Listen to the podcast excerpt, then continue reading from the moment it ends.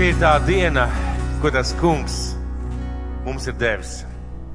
Šī ir diena, ko Dievs mums ir devis, ko Viņš mums ir piešķīris, atļāvis savā žēlstībā, kurā Viņš mūs bagātīgi mīl un par kādas lietas mantu mēs parasti spriežam pēc tā, cik mēs par viņu maksājam. Par kādu lietu mēs, lietas vērtību mēs spriežam pēc tā, cik mēs esam gatavi maksāt par šo lietu. Un Dievs sūtīja savu vienīgo dēlu. Vienīgo dēlu, lai samaksātu par mums, lai atpirktu mūs, lai darītu mūs par saviem bērniem. Un mēs esam dārgi Dieva acīs. Mēs esam dārgi Dieva acīs un nav nekā dārgāk Dievam kā mēs, cilvēki un viņa bērni. Nav nekā dārgāk. Kad Dievs skatās uz šo pasauli, nekāds zelts, nekāda vara, nekāda valsts Neviena māja, vien, neviens nams nav tik dārgs Dieva acīs kā tu. Un to viņš pierādīja, sūtot savu vienīgo dēlu un samaksājot ar viņa asinīm pie Golgāts krusta. Un tieši tāpēc mēs varam zināt, mēs esam dārgi viņa acīs. Šī ir tā diena, ko tas kungs ir devis. Priecāsimies un līksmosimies šī dienā. Priecāsimies un līksmos šī dienā. Ak, kungs palīdz! Ak, kungs, lai labi izdodas. Slavēts, lai ir kas nāk tā kunga vārdā. Mēs raidām jums pretī savu svētību no tā kunga nama. Slavēsim, pateiksimies un pielūgsim mūsu Dievu, kas ir darījis mūs par dārgiem, par vērtīgiem, briljantiem savās acīs. Lai Dievs tevi svētī šajā dienā, un lai tu sajūti Dievu mīlestību, kā par tevi jau šodien tika lūgts. Lai Dievs tevi svētī! Mīļais Kristu, mēs nākam, kungs, pie tevis. Mēs tev, kungs, pateicamies par to, ka mēs esam tavās asinīs. Kungs, tavās rokās mēs esam ierakstīti. Mīļais Kristu, katra mūsu vārds ir tavās rokās un uz tava Golgāts krusta. Debes Tēvs, mēs tev pateicamies, ka mums nav jāpaļaujas uz cilvēku spriedumiem, uz saviem spriedumiem par tevi ka mēs varam paļauties uz to spriedumu, ko tu 2000 gadus atpakaļ pasludināji mūsu dzīvē. Mēs esam glābti, mēs esam atpestīti, mēs esam Dieva bērni, mazgāti tavās asinīs, svētīti par taviem mantiniekiem un aicināti būt pilni ar svēto garu. Slavēt tev, pateikties tev, Dievs! Kungs, svētīgi vien šajā dienā, šajā dievkalpojumā. Kungs, lai šis laiks, Dievs, ir tavs laiks šī cilvēka dzīvē. Kungs, lai šī diena, Tēvs, ir tava diena, mīļais Dievs, jo tu viņus radījis, tu viņus ir devis, un tu esi dāvājis, ka mēs varam viņu izbaudīt, izdzīvot, izlīgsmoties un priecāties tavā priekšā. Kungs, svētīgi vien, jo mēs esam dārgi tavās acīs, un tā saka tavs vārds, Jēzus vārdā. Āmen! Es gribu pajautāt, ar ko sākās, kā jūs prāt, Ziemassvētku stāsts? Ar ko sākās Ziemassvētku stāsts? Tojās Ziemassvētki un uh, Ziemassvētkos, jūs ziniet, piedzima Kristus, piedzima Dieva dēls, bet šis Ziemassvētku stāsts nesākās ar to mirkli, kad viņš piedzimst, bet kādu laiciņu pirms tam. Un šodien šajā Ziemassvētku laikā ir kāds priecīgs notikums, par kur es gribētu arī nedaudz jums pastāstīt. Pēc sestajā mēnesī eņģeli Gabrielu Dievs sūtīja uz Galilejas pilsētu Nāceret. Pie jaunavas, kas bija sadarināta vīram, kam vārds Jāzeps. No Dāvida cilts un jaunavas vārds bija Marija. Un, uh, lai cik interesanti, lai cik dīvaini, lai cik jauki tas arī neskanētu, šodien mūsu dzīvē un mūsu draudzē tieši tāda situācija. Jūs ziniet, ka tad, kad, tad, kad divi jauni cilvēki piedzimst, Tā ir mana personīgā pārliecība, ja viņi staigā Dieva ceļus, ja viņi meklē Dievu, ja viņi cenšas turēties pie Dieva, Dievs ir tas, kas ved viņu dzīvē otro pusīt. Otro pusīt, ko Dievs ir ieplānojis, iecerējis, atradis, starp visiem pasaules puišiem izmeklējis vislabāko priekš šīs meitenes, priekš šīs meitenes vislabāko puisi izmeklējis, un arī priekš puiši vislabāko meiteni. Tad lūk, ja cilvēks turās pie Dieva, Dievs saved viņus kopā un liek kaut kam notikt. Kaut kam tādam, ko Salmans, par ko Salmans saka, trīs lietas es nesaprotu, un ceturtā man ir brīnums. Kā tur bija, neatceros, viena no lietām bija čūskas ceļš pāri kalnam, ērgļu ceļš debesīs un jaunavas ceļš pie puiša. Jaunekļu ceļš, pareizi, paldies Nori. Jaunekļu ceļš pie meitenes. Labi, ka kāds zina bībeli, pareizi, un ka klausās. Paldies Dievam, tieši tā. Tātad, uh, un Salamans gudrais salms saka, es nesaprotu šīs lietas. Un uh, ir tā, ka divi cilvēki satiekās, viņi šī drikslīte parādās viņa attiecībās, un tāds dabisks, uh, pareizs Dieva solis ir, ka šie cilvēki domā, lūdz, meklē iespēju vai saprast, vai tas ir viņa otrā pusīte. Un tad ir mirklis, kad kādu, kurš to dara. Cits nometās uz ceļiem, cits vienkārši paņem roku, roku savā rokā. Cits, uh, ie, ie, esmu dzirdējis gadījumus, kad iebriena jūrā un šādā romantiskā mirklī. Bet notiek tāds mirklis, kad jaunatnes saka, mīļā, vai tu kļūsi par manu sievu? Vai tu dos man savu sirdi, vai tu dos man savu dzīvi, vai es varu būt tavs otra pusīte. Un uh, tad ir pareizi, ļoti, ļoti pareizi. Un tā kā Dievs to māca, ka šie cilvēki vienojās, un tad viņi tiek sadarināti, ja būs saukti draudzē. Uh, es zinu, ka mūsu vidū ir divi tādi cilvēki, par kuriem daudzi nemaz nenojauš. Un es varu garantēt, ka ir cilvēki, kas domā, interesanti, kuri tie ir mirkli pacietības.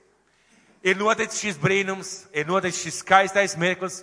Uh, tieši tā kā es arī teicu, šie cilvēki gājuši tādu pareizu dieva ceļu, un viņu vārdi ir Dēvids un Diāna. Un aicināsim viņus priekšā. Un kā es teicu jau sarunā ar viņiem, viņi ir bijuši tiešām varbūt man personīgi un daudziem par piemēru. Daudz pat laikam nemaz nenojauta, pareizi. Reizēm ir tā, ka mēs redzam divus jaunus cilvēkus staigājam rociņās, saķērušos, apķērušos, un mums parasti jādomā, nezinu, vai tas ir pareizi. Šis bija gadījums, kad, tad, kad viņi nāca pie manis kaut ko teikt, sākās ar Dēvidu, es biju pārsteigts. Bet tas bija labs pārsteigums. Tas liecināja, ka viņi ir gājuši dievbības un patiesības ceļus. Nu, lūk, un šodien viņš šeit stāv, lai mēs kā draudz viņus svētītu lai mēs viņus draudzē uzsauktu. Viņi ir sadarinājušies. Diānai uz rokas ir skaists grezentiņš, un, ja nemaldos, jums pāris dienas bija atpakaļ tāda patīkama vizīte arī pie vecākiem. Varbūt jūs nedaudz varētu par to pateikt. Nu jā, bijām pie vecākiem. Vecāki mūs svētīja, bijām pie maniem vecākiem, bijām pie, vakar pie Diānas vecākiem. Jā. Jā.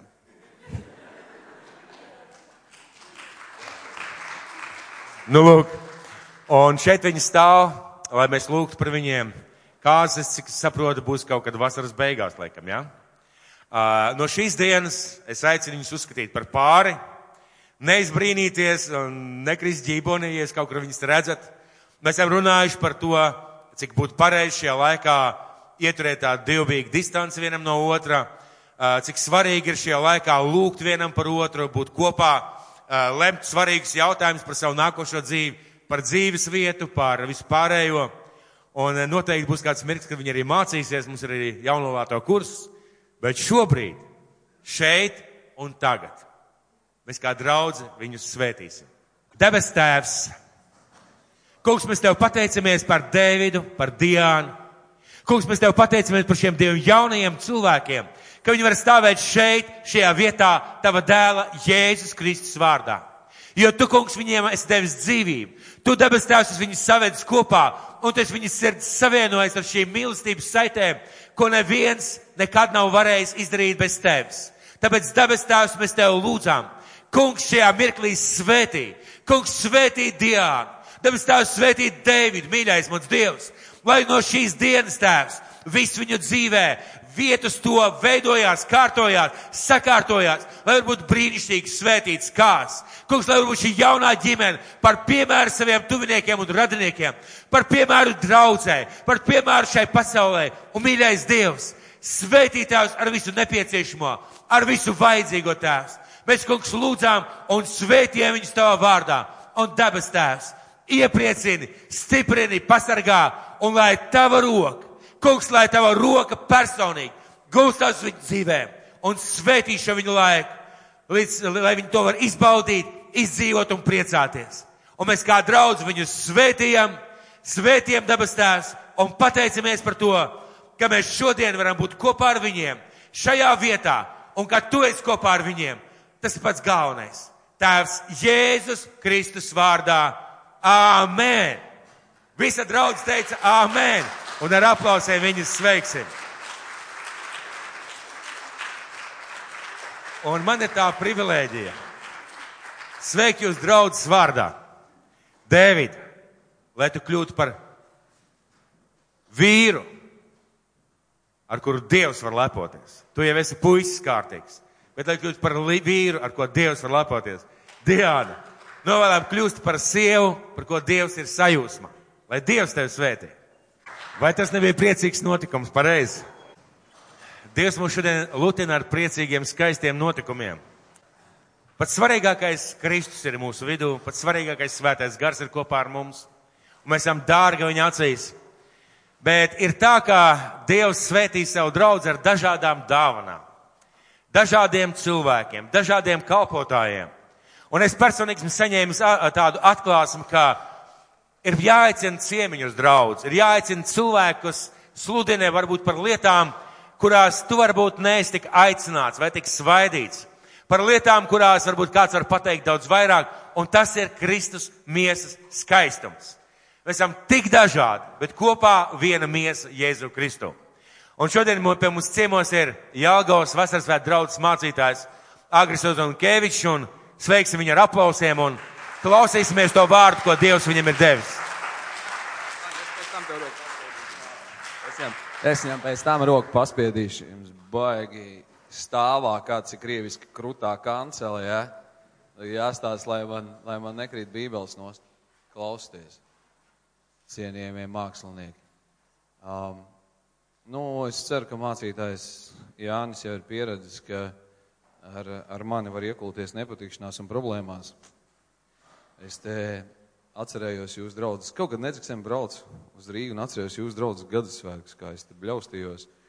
Un uh, pēc tam jutos lepns, ka es bļaustījos. Nu, es par to mirušo vasaras svētku garu atcerējos. Aizmirs, neatceries? Kaut ko atceros. Šeit tika pasludināts, ka vasaras svētku gars ir mīris un, un, un mīris un viss. Un, man iekšā kaut kas uzsprāga, es nevarēju savākties, es iznācu ārā un pieklājīgi skaļāk kliedzienā, cik no vienas duhas bija un drosmes nobļāvos, ka tā nav. Tagad ir bišķiņ savādāk. Es stāvēju šeit zālē. Uh, jūs jau esat žēlsirdīgi cilvēki, pareizi?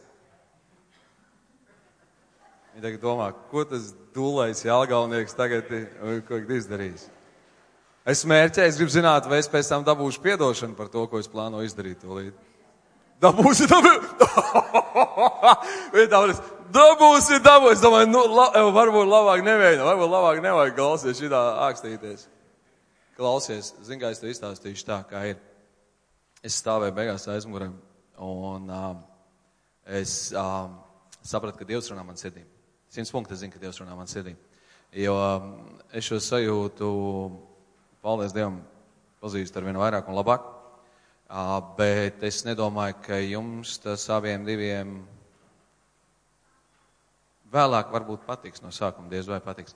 Bet es gribu kaut ko izdarīt. Es gribu kaut ko izdarīt. Skatieties. Um, Bībelē rakstīts. Bībelē rakstīts. Zini, kā Bībelē rakstīts? Bībelē rakstīts, um, ka tam, kurš mācās, tam, kurš mācās, ir jādalās visās labās lietās ar to, kurš māca. Tā ir rakstīts Bībelē. Vēl Bībelē rakstīts, ka tie, kas ir priekšnieki Dieva namā, un īpaši tie, kas kalpo ar vārdu, ir um, dubultu godu cienīgi. Amen. Es jums pateikšu, es jums pateikšu, kas, kas es stāvēju šeit, un, un jūs te dziedājāt, un, un, un es stāvēju. Un man kaut kā pēdējā laikā tā ir, ka es Man sieva saka, tu dzirdēji tās slavēšanas dziesmas, es nedzirdēju. Nu, es biju aizņemts ar citām lietām pa to laiku. Draudzē darīt citas lietas. Un um, patīk jums saviem dieviem vai nepatīk? Patīk jums saviem dieviem vai nepatīk? Uh, es no sākuma sapratu pirmo daļu, kas man ir jāizdara. un to es izdarīšu. Bet tad man nedēļa mieru otra daļa pie tā visa, un kas man sarežģīja visu to procesu. Kas man sarežģīja to procesu, un uh, uh, Dievs man runāja sirdī, un es vēl ar Dievu ņēmos, un, un, un, un es te vēl nācu iekšā atpakaļ zālē. Un Bībelē rakstīts, ka uh, tava labā roka, lai nezinu, ko tava kreisā dara. Tā rakstīts Bībelē. Un es nācu, un es, es domāju, kā es izdarīšu to, ko es tagad darīšu tūlīt. Un es nāku pa, šeit pa gaitu, un es, un es nu, savā prātā runādamies ar debes tēvu, es saku, Bībelē rakstīts, jo viņš man saka par otro daļu, otrā daļa neiekļaujās tajā. Es saku, Bībelē rakstīts, tava labā roka, lai nezinu, ko tev kreisā dara. Momentā man Dieva gars atgādināja raksturiet, kur Bībelē rakstīts, ganīdami Dieva ganāmo pulku. Kā? Kā ir jāgan Dieva ganāmais pulks? Ziniet, kā jāgan Dieva ganāmais pulks? Piemēru rādīdami piemēru rādīdam. Tāpēc es šodien gribu izmantot divas, divas raksturvietas salikt kopā. Divas raksturvietas salikt kopā. Pirmā raksturvieta ir jūsu labā un kreisā roka nezinās, ko izdarīs mana labā roka. To zina mana, mana galva, zina. Droši vien mājās sieva mana uzzinās, ko es tagad plānoju izdarīt, un uh, es to izdarīšu. Bet otrā daļa, kas man, kas man satrauc, kas man padarīja nemierīgu, uh, Mīlestība ir kaut kas tāds, par ko neviens nezina, kamēr tu neesi parādījis. Pareizi, vai ne? Kamēr neiedeva grezenu pirkstā, nemaz, nemaz, nemaz, nevarēja saprast, zini, mīl vai nevi, ka iedeva grezens reiz, vai tāda mīlestība. Es jokojos, nu, piesaka. Un, un, un, un, tāpēc klausties. Tas ar man viens no niķiem, ka man sieva saka, ja Dievs tev runāja, sirdī izdara, ko tu čamājies. Bet es kaut kā vienmēr baidos drusītiņi. Un klausties, ir tā ka es gribu jūs abus divus svērīt. Jānim es nedošu, es tevi iedošu. Viņš nav uzticams, viņš ir aizbraukt tukumā, iztērēt, zina, kā viņš ir tukumā iztērēts, iedošu. Un, un, bet zina, ko es no jums gribu? Uh, mēs aizlūksim par viņiem Dievu, klausieties. Mēs aizlūksim par viņiem Dievu. Un es gribētu, lai jūs atnāktu viņus samīļot. Labi, bet klausieties, bet paklausieties, paklausieties, paklausieties.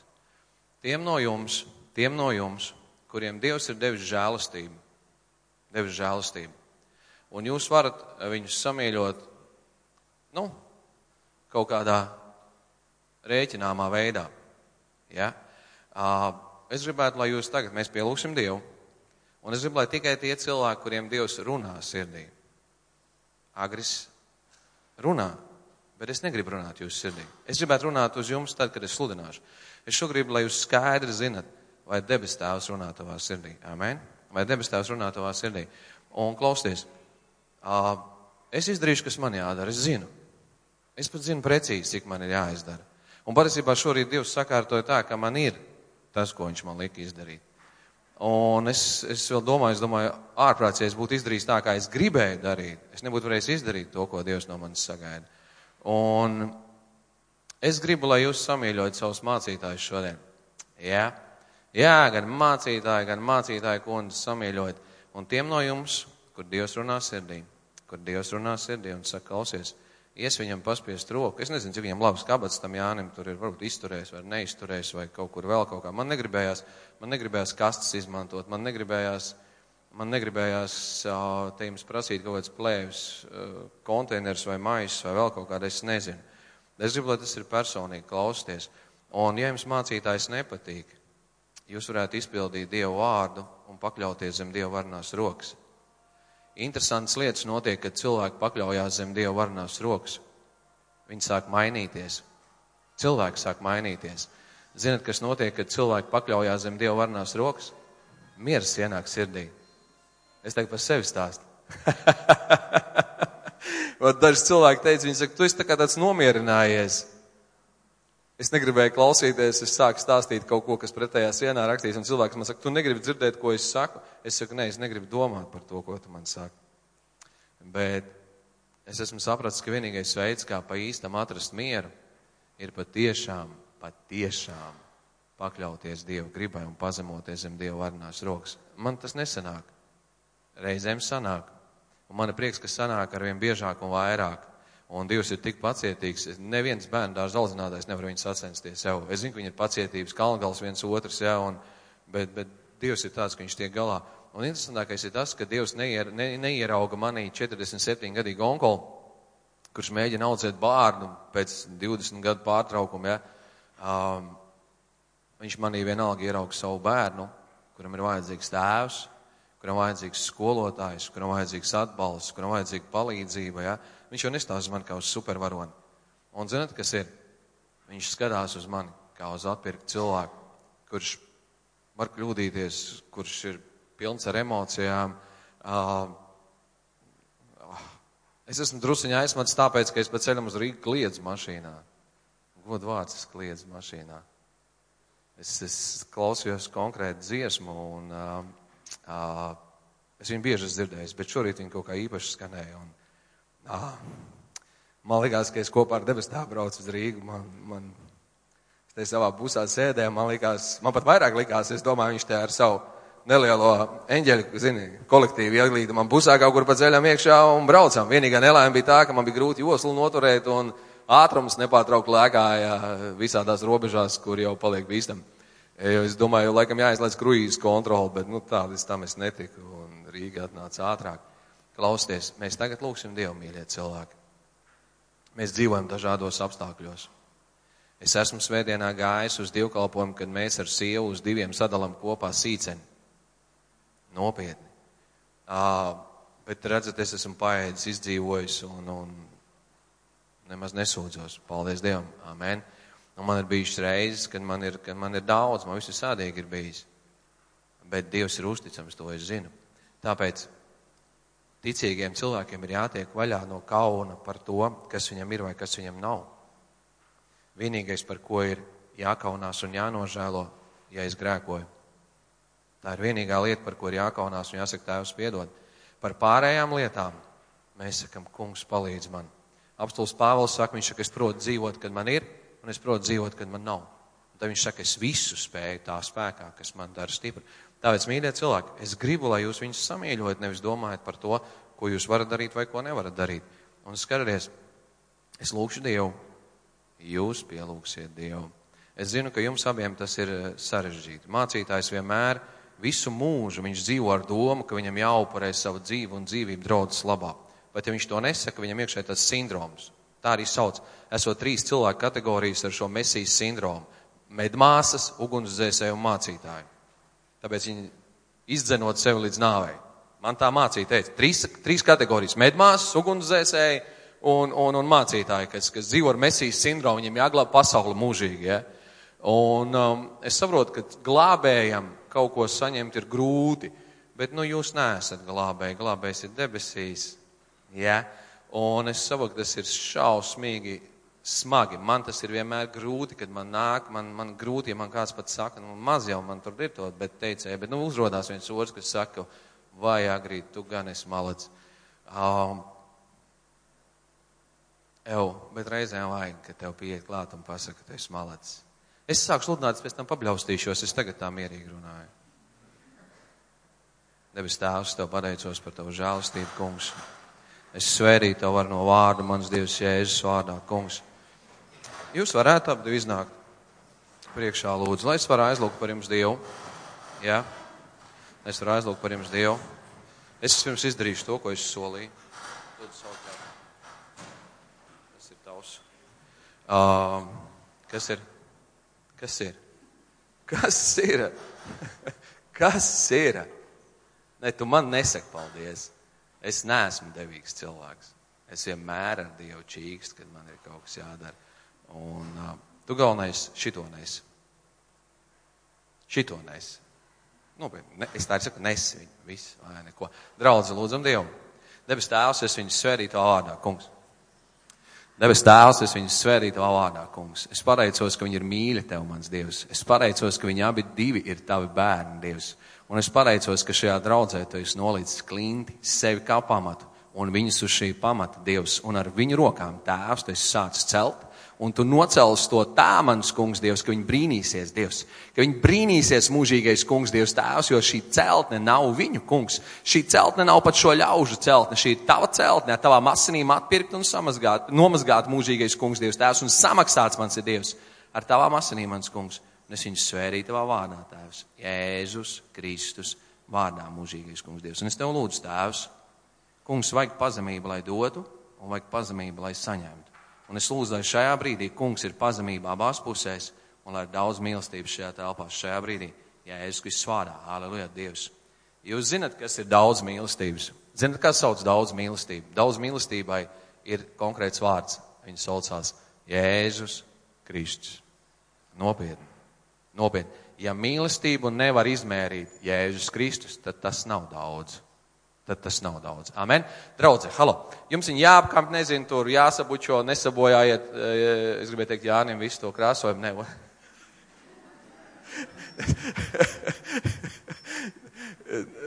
Jūs varat nākt, es nekur drosmīgi iermagojat, drosmīgi, mierīgi uz priekšu, bučo, spiež rokas, es nezinu, kaut kādā veidā. Jā, drīkst arī latvieši kaut ko labu pateikt, mīļie cilvēki. Latvieši drīkst labu pateikt. Ja nezinu neko vairāk, saka mācītājs par tevi lūgšu Dievu. Un, un, un, un patiešām, tēvs, es svērīju tev no. Jums ir kāds pianists arī atradies, kurš var man kaut ko paspēlēt, kamēr mēs te tā mīlējam mācītāju no visas sirds. Būtu skaisti. Jā. Būtu skaisti, pareizi, ja jūs, jūs, jūs, jūs svētīt viņus no visas sirds. Un lūdziet Dievu, ja jums ir īsa lūkšana, jūs varat ātri aizlūgt Dievu par viņiem, pateikt, Tēvs, svētī viņus. Tēvs pagodina savu vārdu, ja parāda savu žēlastību. Kungs, es viņus svētīju tavā vārdā, Dievs. Es tev pateicos par vīriem un sievām, kas kalpo tavā draudzē. Tēvs, es tev pateicos, kungs, Dievs, Tēvs, es viņus svērīju, es svērīju viņu bērnus, kungs, Tēvs, Dievs. Es svērīju viņu dzīvi, mans varnais Dievs. Es viņu svērīju tavā vārdā. Tēvs, lai tavs žēlastība nolīst pār taviem bērniem. Dievs, lai tava godība nolīst pār tavu draugu, mans tēvs.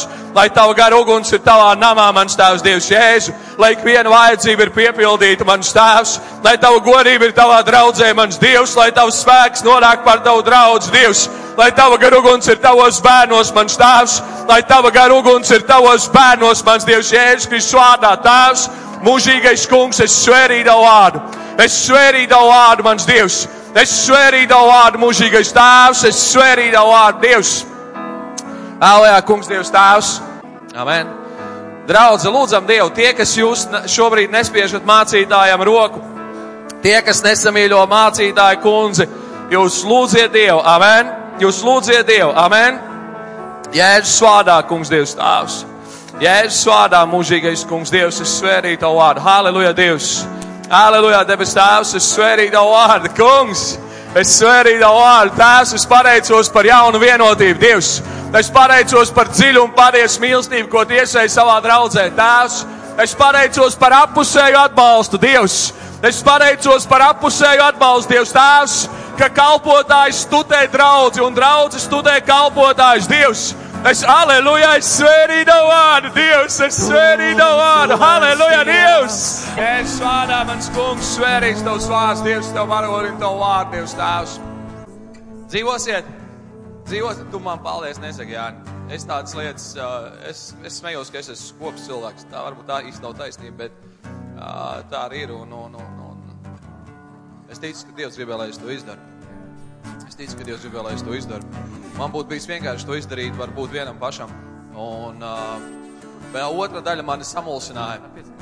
Bet, bet, he, he, he, he, galvenais, ka Dievu nemulsina tas, ko viņš ir darīt. Amen. Amen. Mums cilvēkiem ir savas domas un savas grūtības, bet klausieties.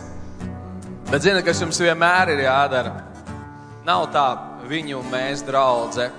Tā nekad nav ir tikai draudze. Vairāk nekā nav. Draudzē ir dažādi darbi. Jā. Bet Bībelē ir rakstīts, lūdziet par saviem vadītājiem. Ir rakstīts, ir rakstīts. Amen. Un es jums vienmēr varu piedāvāt iespēju ikvienam, kurš ir pilnīgs kā Kristus, mest akmeni uz to, kurš nav pilnīgs kā Kristus. Uz priekšu. Uz priekšu. Bet man liekas, ka pat farizē un saduķēji saprat, viņi teica, klausieties, Nu, nevar tā, nu, nevar tā. Pagriezās un aizgāja projām. Pareizi. Pagriezās un aizgāja projām. Un tāpēc, kad mēs, da, nu,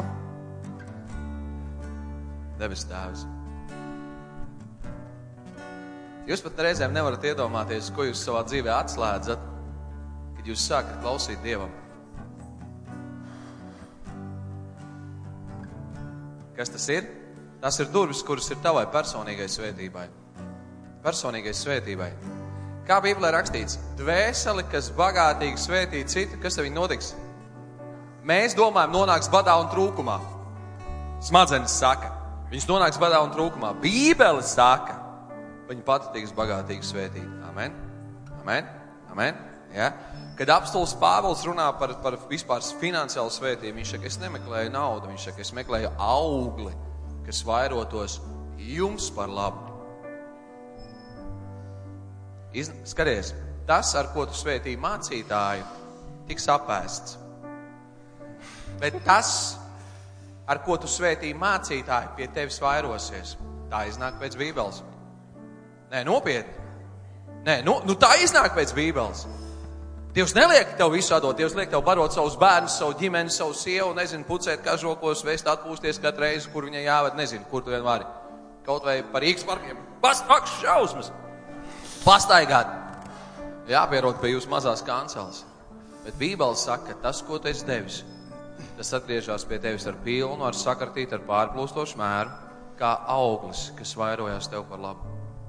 Lūdziet Dievu, klausieties, netaisiet nekad tirgu, es viņam tik, viņš man tik, bet vienmēr klausiet Dievam, vienmēr.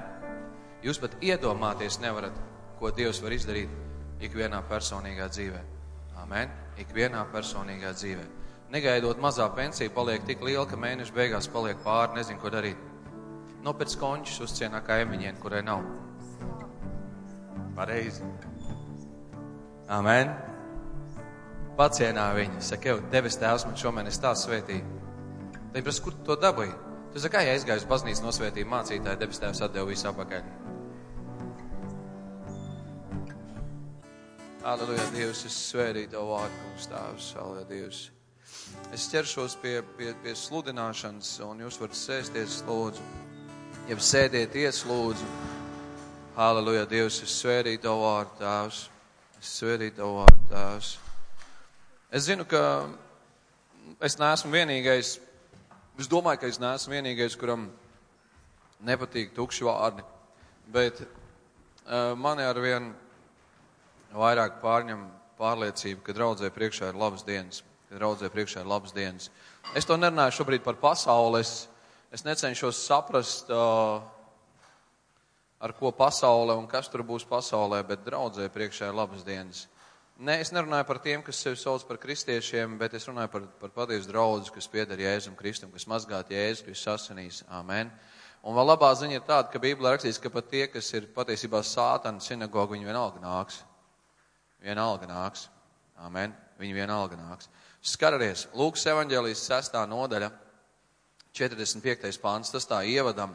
Lūkas evaņģēlijas sestā nodaļa, 45. pāns.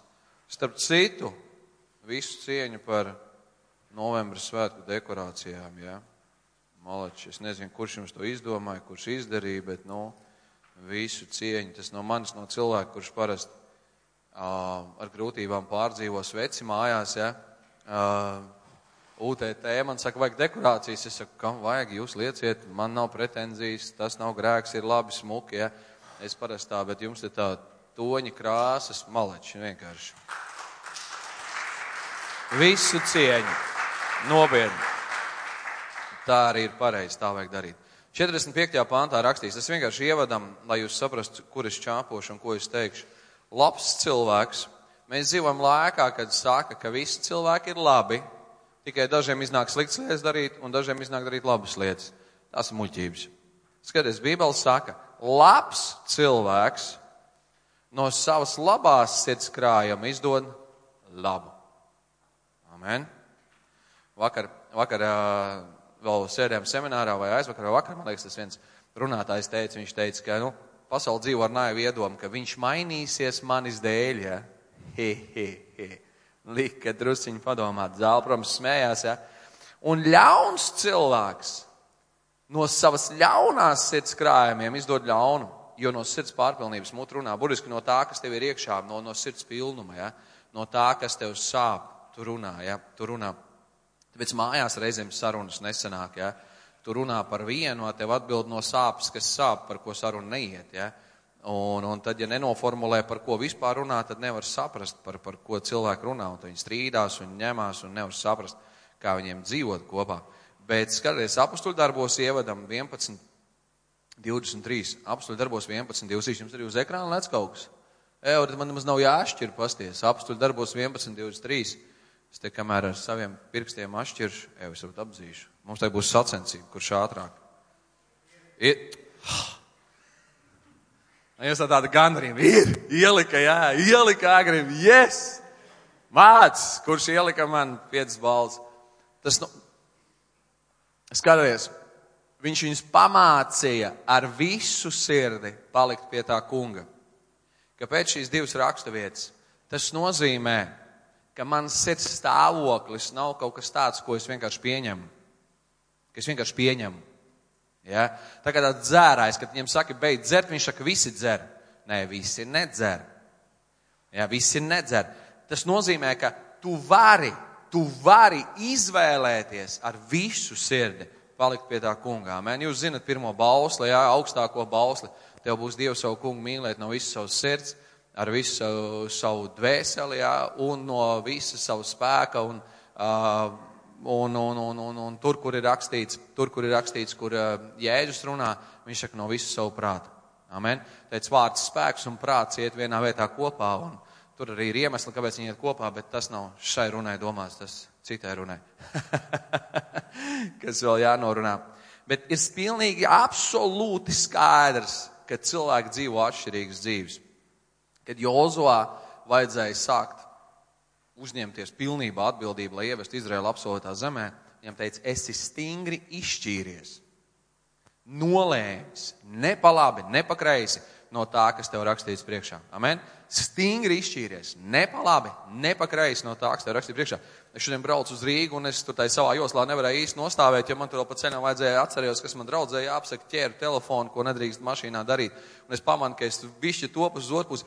Es domāju, ja aiz muguras man brauc kāds un filmē, droši vien jau zvana policijai un saka, tas laikam ir piedzēries. Vienkārši nevar joslā palikt iekšā, vazājās no vienas puses uz otru pusi. Ātrums vainās ātrāk, lēnāk. Jā, pilnīgi. Bet, ja tu esi izšķīries, tad tu esi izšķīries darīt to, kas tev ir jādara. Tu mērķiecīgi ej uz šo mērķi un attiecībās ar Dievu attiecībās ar Dievu.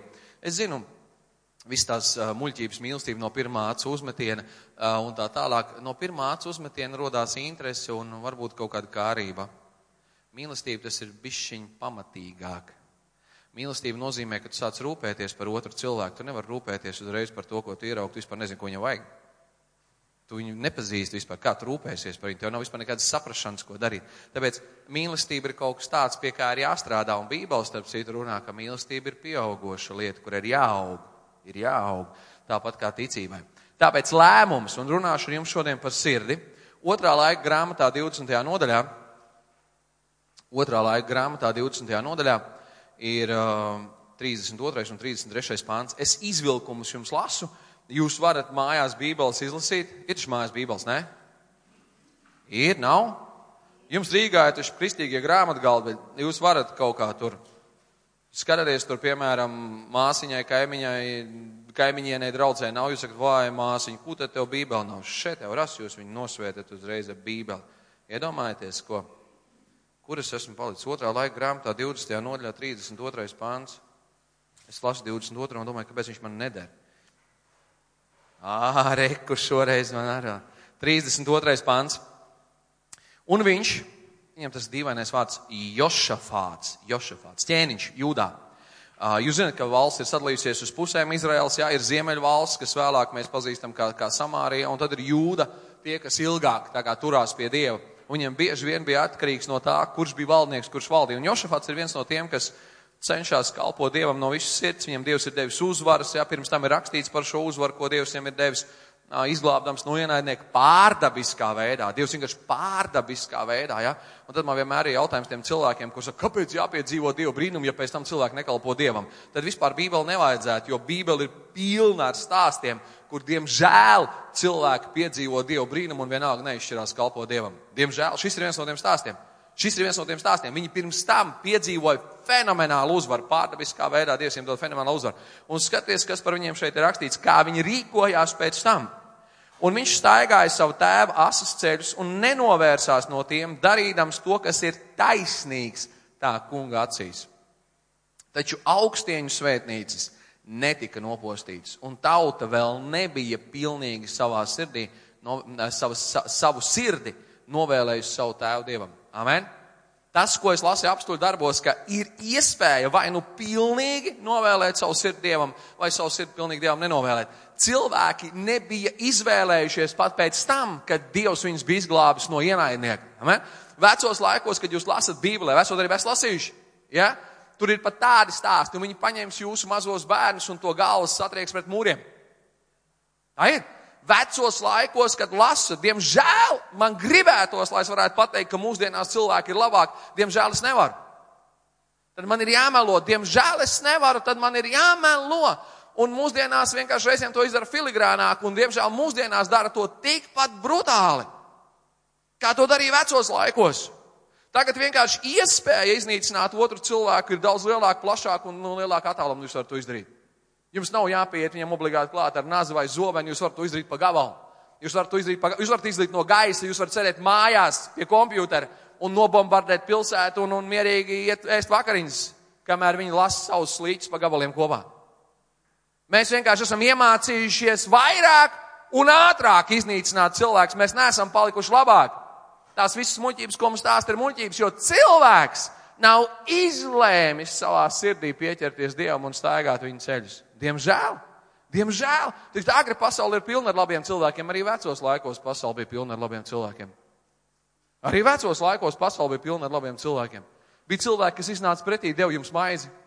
Bija cilvēki, kas jums palīdzēja. Bija labi cilvēki arī vecos laikos. Bet šeit ir rakstīts, skaties, viņi nebija izšķīrušies savā sirdī. Un es jums paralēli gribu, lai jūs izlasat, izlasat paralēli 12. nodaļā 14. pāntu, turpat otrā laika grāmatā, es nekur, nekur ārpus šīs grāmatas nelikšu šodien, 12. 12. nodaļā ir 14. pāns, 12. 14. Skatieties! Un viņš darīja ļaunu, jo viņa sirds nebija pastāvīga. Burtiski viņš nebija izlēmis meklēt to kungu. Amen! Nebija izlēmis meklēt to kungu. Jūs viena daļa esat ticīgi cilvēki. Nu, vismaz kādi 5, 6 draugi ir, jā, ticīgi. Tagad izdomā, kur ir tie 5, 6. Es vienkārši pārbaudu, kur guļ, kur neguļ. Vienkārši kontrolēju, kurš guļ, kur neguļ. Jums ir gadījies Dievu lūgt, kad neviens neskatās. Viņi tā kā partizāni, viņi tā kā, jums kaut kāds slepens ieraksts iet, vai kas, kas notiek? Vai jums ir gadījies Dievu lūgt, kad neviens neskatās? Bībeli saka, ka tā patiesībā ir jādara. Amen! Amen. Bībeli saka, aizej mājās, aiztais durvis un lūdz Dievu, lai neviens tev neredz. Un tas kungs, kas redz slepenībā, tev atdarīs to. Kā jums iet ar to? Kā jums iet ar to? Jūs, ne, es jums neticu. Jūs man melojat. Vēl nav piedzimis uz zemes cilvēks, kuram ar personīgām lūkšanām regulāri ilgstošā periodā iet labi. Tāda vēl nav. Tas nozīmē, jūs vai nu maz lūdzat, vai reti lūdzat, tāpēc jums iet labi. Vai nu jūs īsti nelūdzat?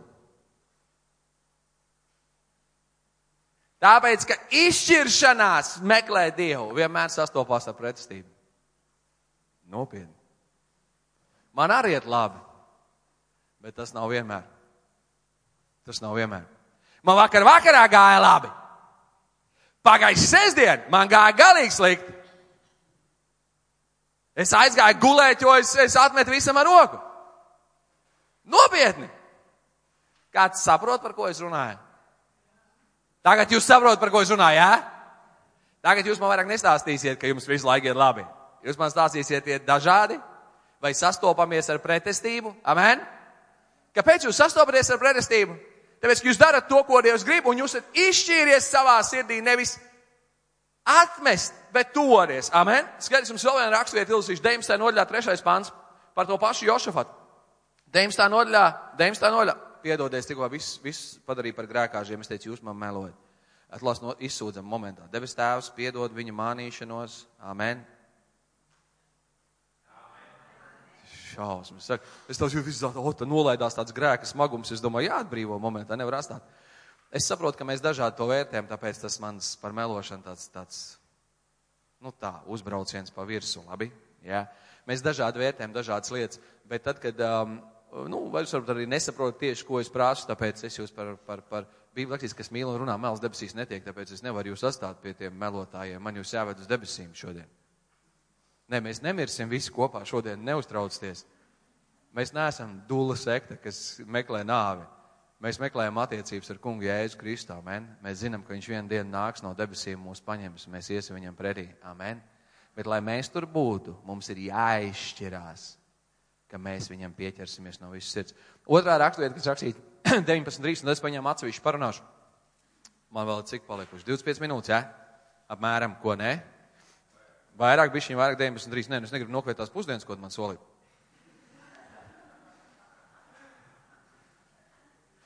Viņš pats sasola pusdienas, saka, nē, nē, tu runā droši, runā droši. Viņš jau zina, ka man jāpaspēj vēl apakaļ uz jālgā, viņš saka, tu runā droši, un tā jau paspiedīs roku, teiks, nu, tavs pusdienas apēdīs citi, jā, nu, nē, nu, varbūt jādalās, es jau nezinu. Taču tev ir vēl atrodami arī labi darbi, trešais pants, 19.3. 19.3. Tev ir atrodami labi darbi, un skaties, ko Dievs pieskaita pie labiem darbiem, jo tu esi iznīdējis no zemes ašēras, un esi savā sirdī apņēmies Dievu meklēt. Tas ir tas pats Jošafats, tas ir tas pats Jošafats, kura laikā vēl ir augstieņu svētnīca. Viņš kaut ko ir iznīdējis, bet kaut kas ir palicis. Un tad, kad jūs palasīsiet kontekstu, skatieties kontekstu, viņam pretī iet uh, Jehus, pravietis, jā, pravietis Jehus, Hanānī dēls, tur otrais pants, es jums palasīšu vienkārši priekšā. Otrais pants, pravietis iet viņam pretī. Un, un, un, un saka Jošafatam, jūdas ķēniņam, vai tev vajadzēja palīdzēt tiem bezdievim, Un vai tev tiem, kas to kungu ienīst, jāparāda mīlestība? Tādēļ tā kunga dusmas nāks pār tevi. Un es lasu, un es domāju, paga, viņš viņam saka, viņš ir klausies, tu esi gājis karot kopā ar tiem bezdieviem, runā par Ziemeļu valsti, par to, ko mēs vēlāk saprotam kā Samāriju. Un viņš saka, bet tev ir labi darbi.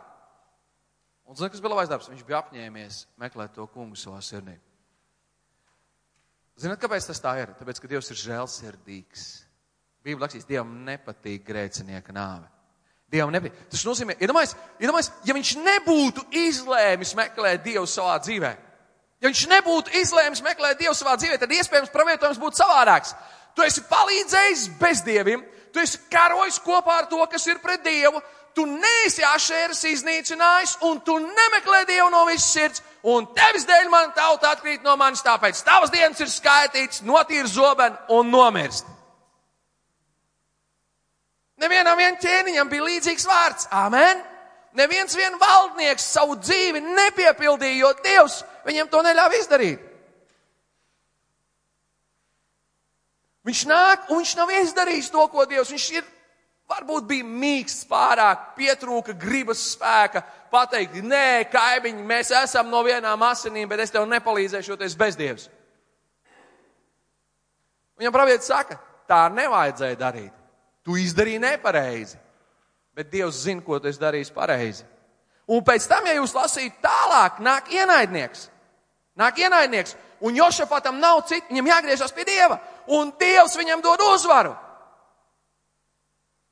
Un pēc tam es jums lasīju to, no, las, es jums lasīju to, ko sākumā, tas ir pēc tam, ka viņš ir izšķīries, bet tomēr augstieņu svētnīca ir palikusi, jo, jo tauta nav izšķīrusies. Jo tauta nav izšķīrusies. Skaties atpakaļ. Pirmā lieta, ko es jums gribu atgādināt, ir dalīts sirds. Dalīts sirds. Dalīts sirds. Tās ir raksturvietas, ko es jums jau lasīju. Tik, tik, uh, tu lasīji 12, 14, jā? Ja? 12, 14, ko es lasīju, jo viņi nebija izšķīrušies. Viņi nebija izlēmuši no visas sirds pieķerties Dievam. Un tas, ko es jums lasīju 32 un 33, 20. nodaļā. 20. nodaļā varat atšķirt un atstāt sev 32 un 33, 20. nodaļā, kur viņš saka, 33. pāntā, taču augstieņu svētnīcas netika nopostīts, un tauta vēl nebija pilnīgi savu sirdi novēlējusi tēvu dievam. Tas nozīmē dalīt. Tas nozīmē dalīt. Tas nozīmē dalīt. Bībelē, piemēram, nu, tāds, tāds skarbs piemērs. Mums Bībelē, piemēram, nekur nav pieminēta pornogrāfija. Nekur. Vienīgi saka, nu, jā, kas uzlūko sievu iekārodams, ir pārkāpis laulību ar to. Bet kur, kur ir sāls? Jūs nevarat apsolīt sevi savai sievai, un likt viņai dalīties ar tūkstošu uh, plikām pakaļām kompjuterā.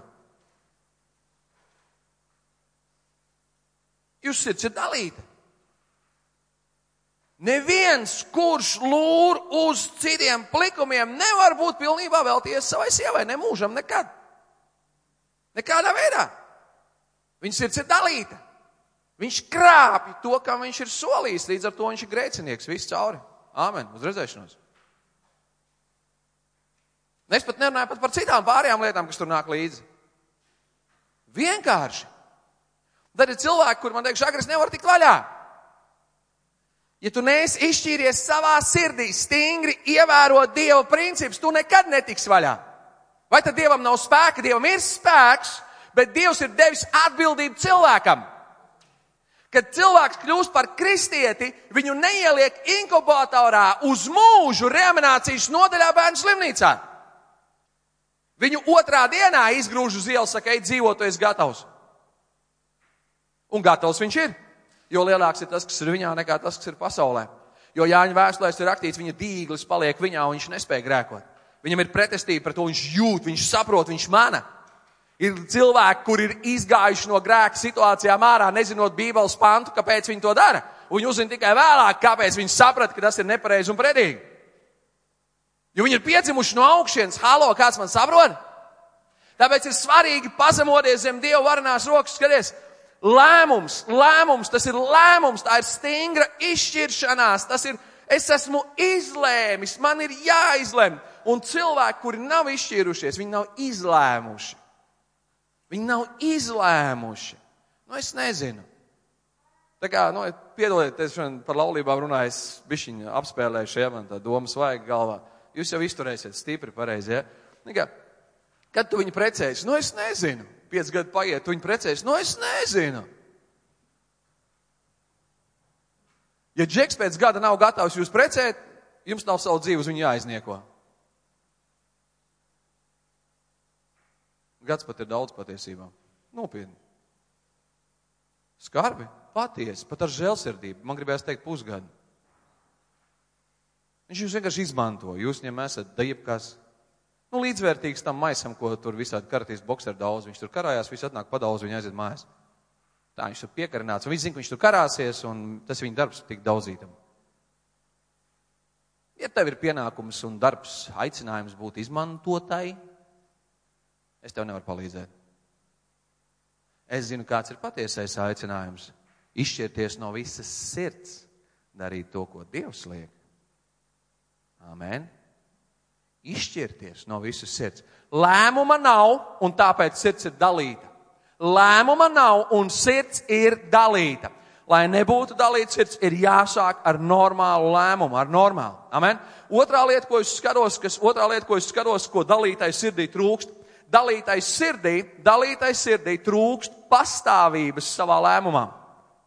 Dalītai sirdī trūkst pastāvības savā lēmumā. Sabot, tu, paliec pie tās savas sievas, tu paliec pie tā sava darba. Viena vien no lietām, kas, kas man satrauc jaunajā paudzē, jaunie, piedod, jaunā paudze, kas man satrauc, ja, tik līdz jums kaut kas tajā vietā neiet, jūs klikšķi. Nu, uzklikšķinat, izmetat to nost, paņemat nākošo. Pareizi, ja? Kā jaunieši spēlē kompjuter spēles, spēlē, spēlē, spēlē, oi man nošāva. Nu, viņš atkal klikšķi poga, arī laud, jaunas pistoles, jauni ieroči, jau atkal iet šauju. Bladāts atkal nošāva, atkal. Nepārtraukti, vai es kaut ko jaucu, pareizi, nē?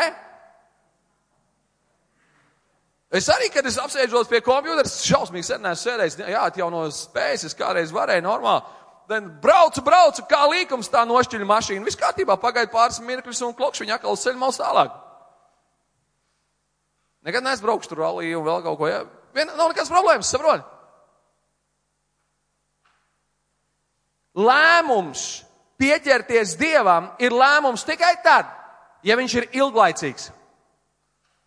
Ja es esmu izlēmis, ka es līdz nāvei, līdz galam, man patīk, kā latvieši saka, krovs nosu. Āmen! Reiz, jā? Ja? Kad tu saki, krovs nosu, man tas ir, es, man tas ir vajadzīgs, es gribu to. Un Dievs tam dod spēku. Kāpēc Pāvils saka, viņš dzenieties man pakaļ kā es kristumu? Zinu, ko nozīmē vārds dzīties. Ja gribat saprast vārdu dzīties, paņemiet sunim, atņemiet kaulu un mūkiet un celtieties uz suni un sapratīsiet, kā izskatās dzīties. Galvenais, lai viņš ir liels, jo lielāks suns, jo labāk sapratīs, un dzīties. Nē, uz sevi neskatieties, jūs nedzenaties, uz suni skatieties, viņš dzenās. Atklāsiet sev nebijušas sprinteru spējas iespējams.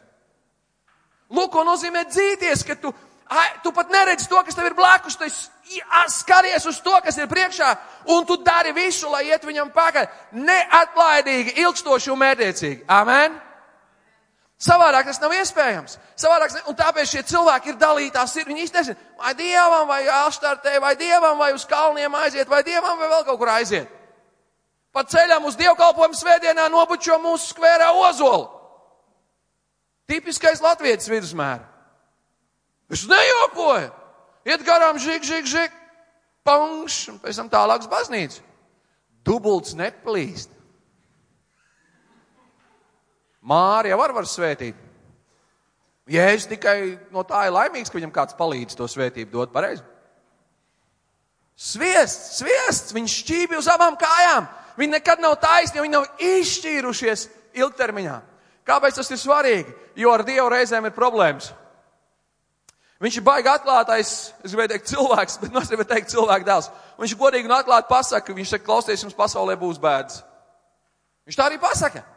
Viņš tā arī pasaka, un tu nevari plānot, ka tev būs nedalīta sirds, ja tu neesi izlēmis to darīt ilgtermiņā.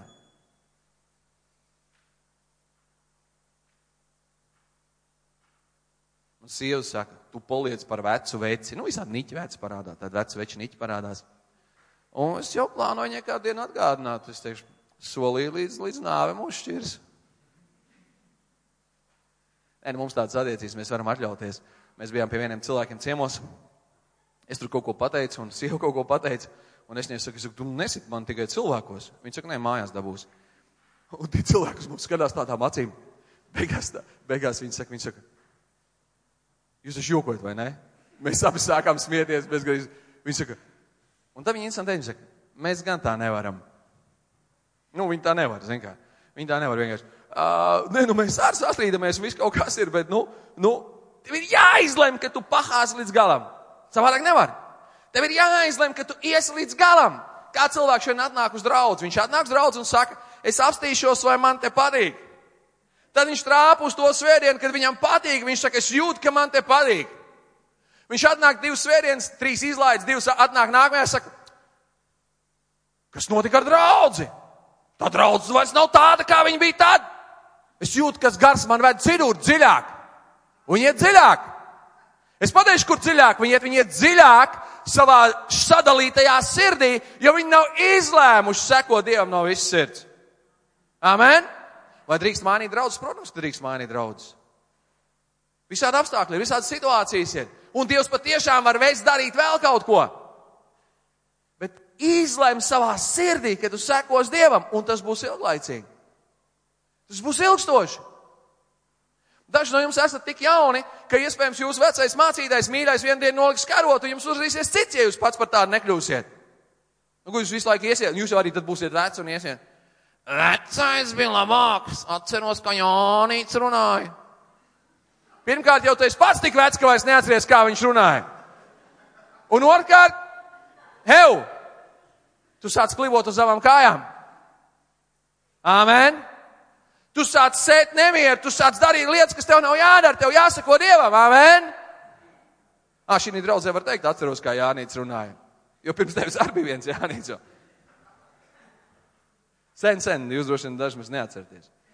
Skaties, tie, kam ir dalīta sirds, kāpēc tā ir? Kāpēc šis lēmums un ilglaicīgs lēmums netiek pieņemts? Pamatā ir milzīga problēma. Viņi neusticas Dievam. Viņi neusticas Dievam. Viņi neusticas Dievam. Jūs nekad nepieņemsiet lēmumu ilgtermiņā sekot Dievam ja jūs viņam neusticēsieties. Nopietni. Mans taisnais dzīvos no kā?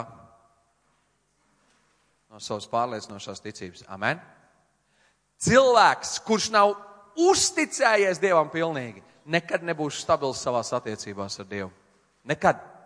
Nemūžam. Tev ir jāsāk uzticēties Dievam. Amen. Bībelē rakstīts, uzticams ir aicinātājs, viņš būs arī darītājs. Mūs salīdzina ar Ābrahāmu, jo mums ir ticība, ka Ābrahamam mēs esam Ābrahāma bērnu ticībā. Zinat, kāpēc Ābrahamam pielīdzināja par taisnību? Jo viņš uzticējās Dievam. Amen! Es kaut kad sen, sen papētīju šo vārdu, ko nozīmē uzticēties. Un burvis tas nozīmē tā, kad jūs ienācāt šai zālē, jūs apsēdāties krēslā. Jūs uzticējāties krēslam. Tiem, kam kājas vēl klausa, varat kājas atraut no zemes bišķi. Jūs tagad uzticējāties pilnīgi krēslam. Reizi. Jo, jo, jums ir pieredze izveidojusies, ka viņš tur. Tā ir. Man ir cita pieredze. Es vienreiz sēdēju pie savu radinieka, tas tā atpūtā, es jums izstāstīšu stāstu par krēsliem. Sēdēju pie savu radinieka, lamināta grīda, ārā dārza, plasmas krēsls. Kombinācija, saprot, lēnām, jā? Agronkols apsēžās. Nu, kājals jau viņam jau laikam pagāja drusciņ tā. Es nezinu, cik tas krēsls jau bija pastāvējis ārā, saulē, vējā, lietu, salā, vēl kaut kur, jā. Vienā brīdī. Viņš nevis tā maigi, tā, zinot, kā plasmas tā varētu tā maigi tā bzz, salocīties, nevis tā graciozi noslīdēt uz zemes, jā. Vietuvīta maza, maza, vienā brīdī tā viena kāja. Vienkārši tā kā sprādziens pa gaisu, un planāts guļu virtuvē pa vidu, un viņi visi skatās uz mani. Labi, ka galva neapdaudzīja nekur. Kā, ir krēsli, uz kuriem nevar paļauties. es, un es godvārds tagad, kad man parāda plasmas krēslu un uzliek uz lamināta, nevis zālītē, kur kājas nofiksētas vai kaut kur uz bruģīša. Es parasti izvairos viņā sēdēt jau gandrīz vai vienmēr. Nopietni. Tad vēl tie atapīgie cilvēki tur paliek apakšā kaut kādu vojlociņu zem tām kājām, tā teikt, lai neskrāpē grīdiņu.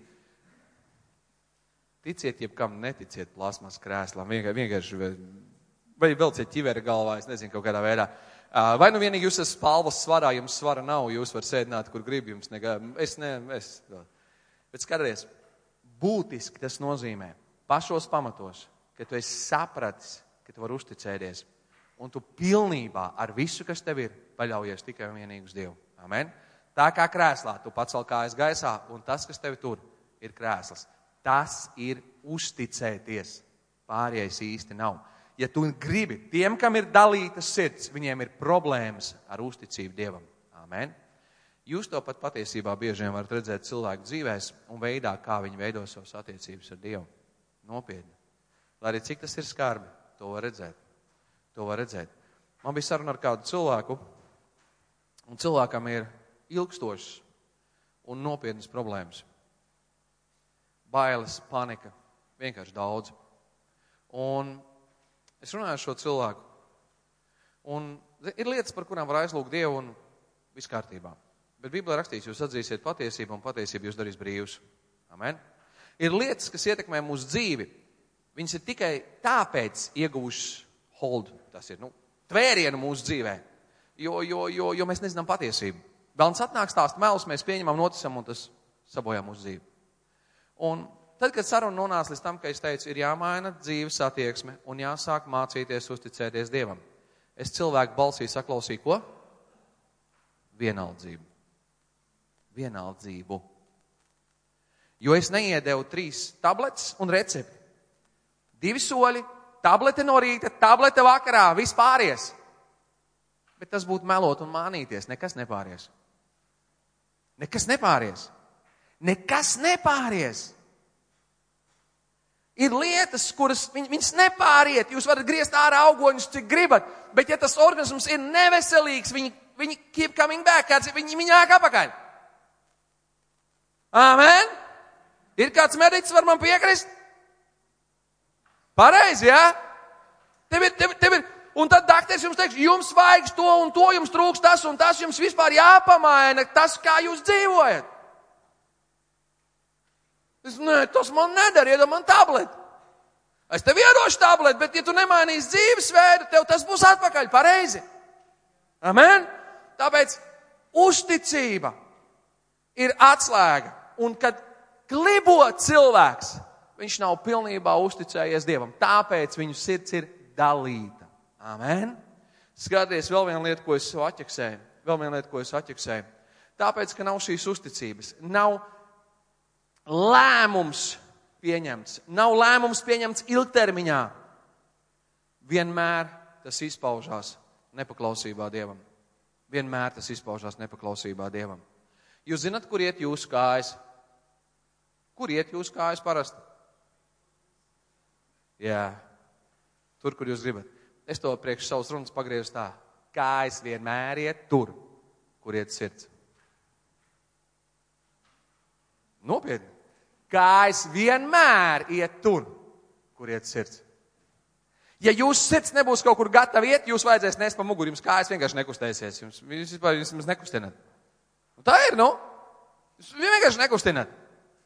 Filipiņā aizbrauc uz veikalu, nopērc kaut ko, mums vajag to un to un to. Ā, ir vēls, man negribas. Sieva saka, mums saka, paps ir nogurs šodien, visu dienu skrādījis, iekāp mašīnā, aizbrauc. E, Rimī ir atlaid kolai paņem. Nu labi. Strādā vienmēr. Vienmēr strādā. Vie, vie, vie, vienmēr strādā. Slepenais ierocis, izmantojot pie saviem bērniem, vienmēr strādā. Ja vēl nekustās, piemet klāt čipsu paku, pss, divas maisas atnesīs mājās. Reizēm gadās atcerās kolu un čips nenopērkšo to no tā, ko lika nopirkt. Bet strādā vienmēr. Nu, varbūt ir bijis kāda reize, kad tomēr ir čīkstējis.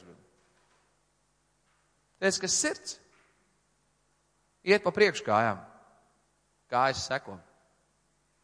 Man sieva atcerās, mēs, man vecāki dzīvoja Algavā, tur tādā, uh, mēs saucam viņu Laimas ielas, kas tur Romas ielas rajons.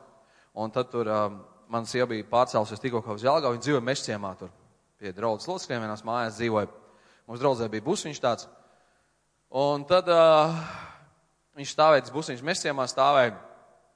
Un uh, tas cilvēks, kas to busiņu pieskatīja, tāds Raimons, uh, viņam droši vien likās, ja, gan jau, ka viņš saprata, kāpēc es to daru, viņam droši vien likās, ka agrī ir parādījusies interesi par draudzes busiņu. Jo es vienreiz atļāvos iziet ar kājām cauri mežam līdz mešķiemam, vajadzēja pacēlēt, zin kā, Rafika busiņā sataisīt, viņu tur tādu lūza regulāri sataisīt, ja. Bet es jau negāju to logu taisīt, kamēr taisīju logus, varēju tur to savu potenciālo sievu apstrādāt ar skaistiem vārdiem, zin kā. Nē, es biju daļrunīgs, es vēl šo to neesmu izpildījis no tā, ko es viņai sasolīju pirms kāzām, bet. Bet es cenšos, es šogad izdarīju, man, es šogad gandrīz pusi sarakstu izpildīju. Es, es šogad, es biju pieņēmis lēmumu, ka es neizstāstīšu, es nekad nebiju pieņēmis lēmumu, ka es to izdarīšu. So, man pat nebija doma, ka man liks to darīt. Saprot, es domāju, varam kādreiz. Ja? Bet es šogad veselu, jau veselu rindu no lietām, es šogad esmu veselu rindu no lietām izdarījis. Ja? Veselu rindu ir izdarījis. Man, es pat man liekas, kaut kāds sīkums ir palicis tikai. Es būšu drīz jau visu izdarījis, kas jādara. So, un tev kājas seko. Nu, tev ir interesi, tu ej. Jūs man liekat, tagad ar kājām vilkties, ja nu vienīgi veselības dēļ varētu kaut kur iziet pa mežu, bet arī man saka, agrējām, es saku, nevar aizbraukt. Skaties, dalīta sirds sagādās problēmas. Dalīta sirds sagādās problēmas. Regulāri klibosi, regulāri klibosi. Es jau 18 gadus Jālgaus draudzē esmu mācītājs. Jā, tas nav daudz, bet bišķiņi ir. Un man ir bijuši cilvēki. Svētdienā stāv uz aizlūkšanām. Nāk mans jau galva nokārt. Es domāju, kas te nu? Mācītājs sagrēkoja. Es saku, kas ir? norāvos, iedzēru, nožēloju. Mana saprašana bībeliskā saka tā, ja cilvēks nožēlo, tad Dievs viņam ir piedevis. Amen. Man nekādas atklāsmes nav, ka viņš melot, liekuļot. Es saku, skaidrs, bet tu zini, ka tas ir grēks. Jā, jā, viss cauri, aleluja, amen. Nolūdzam Dievu, viss kārtībā. Paiet mēnesis, nāk apakaļ, saka, mācītāji, es sagrēkoju. Bet es nožēloju, es atgriežos. Es domāju, nu, nožēlo atgriežas, kas es tās, lai viņi tagad tiesātu, es nezinu, cik patiesi, ja, dzīvo svēt dzīvi. Nodzīvojās. Uh, beigās izšķīrās ar sievu, beigās vēl kaut ko sastrādāja, un beigās pat nezinu, kur viņš šeit ir. Nē, nu, beigās mēs viņu izslēdzām no draudzes. Bet tu nekad nestāvēsi stabilā attiecībās ar Dievu, ja tev būs dalīts sirds ja tev nebūs uzticības Dievam, tavs sirds vienmēr būs dalīta. Vienmēr būs dalīta. Amen. Vienmēr vēlnam būs iespēja tev pagrūst nepareizajā virzienā. Skaties, skaties, kur tas sākās. Kur tas sākās? To var labot. To var labot. Es jums lasīju apakšu darbus, un tur bija rakstīts, pieķeries. Jo, ja tev ir dalīta, tu klibosi, beigās tu noteikti kritīsi, un ne visi no kritiena pieceļās. Tā ir taisnība, diemžēl. Ne visi pieceļās. Var visi, bet ne visi pieceļās. Nopietni. Atgriezties var visi, bet ne visi to izdara. Skatieties, jūs domājat, jūs esat vienīgie, kurš šodien varēja atnākt uz šo dievkalpojumu? Ah, ir kādi, kuri patiešām nevarēja, un ir kādi, kuri varēja, bet neatnāca. Vienmēr tā ir. Vienmēr tā ir. Vienmēr tā ir. Skaraties, skaraties, vesela sirds. Vesela sirds. Vesela sirds. Tas, ko es jums lasīju, tas, ko es jums lasīju, vesela sirds, tu esi izšķīries. 19.3. Ja? 19.3. ko es lasīju. Tev ir atrodama arī labi darbi, tu esi iznīdējis ašērs un esi savā sirdī apņēmies Dievu meklēt. Esi savā sirdī apņēmies Dievu meklēt. Un tad es jums lasīju 20. nodaļā šo 32. pāntu, ja mēs pa 33. tagad runājām. Un viņš saigāja savu tēvu asas ceļus un nenovērsās no tiem darīdams to, kas taisnīgs tā kunga acīs. Un tad, kad es lasīju, es domāju, man teica, ka es šo vārdu nevaru lietot, bet nu es teikšu bāc. Es lasu un es domāju, paga, paga. Dievs viņam dod uzvaru. Dievs viņam palīdz, Dievs viņam ļauj kaut kādus 30, cik tur tos gadus tur valda, es tur lasīju, aizmirsu cik tur tos gadus valda. Uh, Izrēlā, nu, Jūdā valda, ja, un, un, un es domāju, bet kā? Skaties, kas notiek, skaties, kad tu klibo uz abām kājām, tu noteikti kritīsi. Tu noteikti kritīsi. Viņš ir izlēmis sekot Dievam, un tomēr viņš pieļauj savā dzīvē vājumu, nepaklausību, sauksim pārkāpumu, grēku sauksim, un iet karot kopā ar tiem, ar ko nevajadzētu iet karot kopā. Bet viņš ir izlēmis savā sirdī par Dāvidu. Esat kādreiz dzirdējuši? Dāvids bija vīrs, kas bija pēc Dieva sirds jo Dāvids vienmēr meklē Dievu. Amen! Dāvidam vajadzēja iet karot, Dāvids neaiziet karot, Dāvids uzliek savu mājas jumtu, skatās kaimiņu mājās, tantuks uz jumta mazgājās. Kopš tā brīža visiem ar likumu jāievieš bija vannas istabas dziļāk telpās. Tāpēc mums tagad nav vairs vannas istabas uz jumta, jums kādam ir novāciet. Ziniet, ja jums sieva saka, mīļais, uzliec man džakūzi uz jumta, jūs sakat, aizmirstī! Un pagrabā ielieciniet džakūzi, lai nelien uz jumta augšā, zaka, kaimiņš skatīsies. Ziniet, Dāvidam nebija sakārtot šī sistēma, viņš uzlien uz jumta. Kāpēc jums joks stāst, lai jūs atpūstos, kamēr es jūs spīdzinu? Es atklīsos atklāt. Lai jūs atpūstos, kamēr es jūs bombardēju. Viņš uzkāpj uz jumta, viņš ierauga tantu, ka viņam oh, sirds beigta, viņš būdams valnieks ar kādas problēmas, pasilpa trīs ceļus un viss kārtībā. Tantu droši vien visu vannu atnesa. Ūdeni pat nevajadzēja izliet. Pareizā vērtē, jā, viss sakāra, veco nonāvēja, viss sakāra, viss kārtībā. Bet nav, ir problēma Izrēlā. Dievs turpat ir. Savot, to viņš nevar nekur aiznest. Dievs saka, pravietim aiziet parunāt ar to lecīgo džeku. Viņš atnāk, saka, klausies, bija te vienam nabaga maita un vienam biezam bija daudz. Šis paņēma nabaga maitu, atņēma. Daudz, tam galvu jānorauk, kas tu to? Un pravietis saka, nu, tu tas esi, nu, sev galvu nos nerausi. Bet gavēnī viņš aizgāja, kad bērns palika slims un nomira, ja? Bet skatieties, kas notika ar Dāvidu. Man liekas, ka Dāvids bija vīrs, kurš, kurš meklē darīt Dievu prātu. Un tāpēc, tad, kad viņš saprata, ko viņš ir izdarījis, tas viņa lēmums dzina viņu tur, kur viņam bija jābūt pie Dieva. Amen. Dāvids nožēlo, Dāvids atgriežas, Dāvids vairāk tā negrēko, un Dāvids dzīvo, kā Dievs grib. Un vienā dienā ierodās Dievs saka, Dāvid, es no taviem pēcnācējiem vienu uzlikšu uz troņa. Un viņš valdīs mūžīgi. Dāvidam droši vien visa dvēsele nokrita sandalēs. Viņš droši vien izkus kā sviests, patecēja zem ķieģeļiem apakšā vai akmeņiem un teica, kungs, es neesmu cienīgs. Es tagad tēlēni saku savā valodā, jo viņš zināja, ka viņš nav pelnījis. Un tad Dievs saka, nu jā, vispār tam tantukam piedzims vēl viens bērns. Un tad, kad tu dos to, to valdību, nu es tagad pār, jau, vēsturiski sabīdu to kopā stāstu dēļ. Šak to valdību dosim šitam puikam. Valdību dos Salamanam atdeva, Salamanam atdeva, hev! Viņam bija citi bērni, es šitam puikam dosim. Es domāju, Dāvidsam vispār, ja žoklis atcitās pret zemu, viņš stāvēja. Un... Mm. Kā es to zinu? Es jums izstāstīšu. Man bija domas manā sirdī, ko Dievs runāja uz mani. Es esmu jau to stāstījis Amerikā Bībeles skolā. Un es Amerikā Bībeles skolā, tā kā man karstasinīga daba, es tur arī pamanījos reizēm šo to sastrādāt ne tā kā vajag, nepaklausot Dievam. Un tad man sakal, tur man jāžēlo grēku un vispārējais. Un es arī to izdarīju. Un, bet tad jau uz Bībeles skolas beigām, kad Dievs strādāja manā sirdī. Un es negribēju akceptēt to, ko Dievs runāja manā sirdī. Ja man likās tas tāds iedomīgi, augstprātīgi, un kur nu, nu, es no Latvijas, mīļie cilvēki. Es Bībeles skolā mācos ar amerikāņu stipendiju. Tu nevari piepildīt to, ko Dievs tev runā no Latvijas ar amerikāņu stipendiju. Nav iespējams.